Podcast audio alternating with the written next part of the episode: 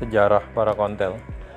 Jadi para kontel itu dibuat uh, sekitar tahun 2007. Pada saat itu Ane masih di Saudi waktu kerja di Nokia. Jadi setelah kita kumpul-kumpul sama beberapa teman telco yang kerja di Riyadh, akhirnya Ane punya ide ide untuk bikin satu mailing list yang ngumpulin semua yang kerja di luar Indonesia dalam kategori telco. Karena selama ini kayaknya saat itu berpencar-pencar diskusinya. Dan kita bisa sharing ke teman-teman yang belum bekerja di luar negeri itu agar punya knowledge lebih tentang gimana sih kerja di overseas.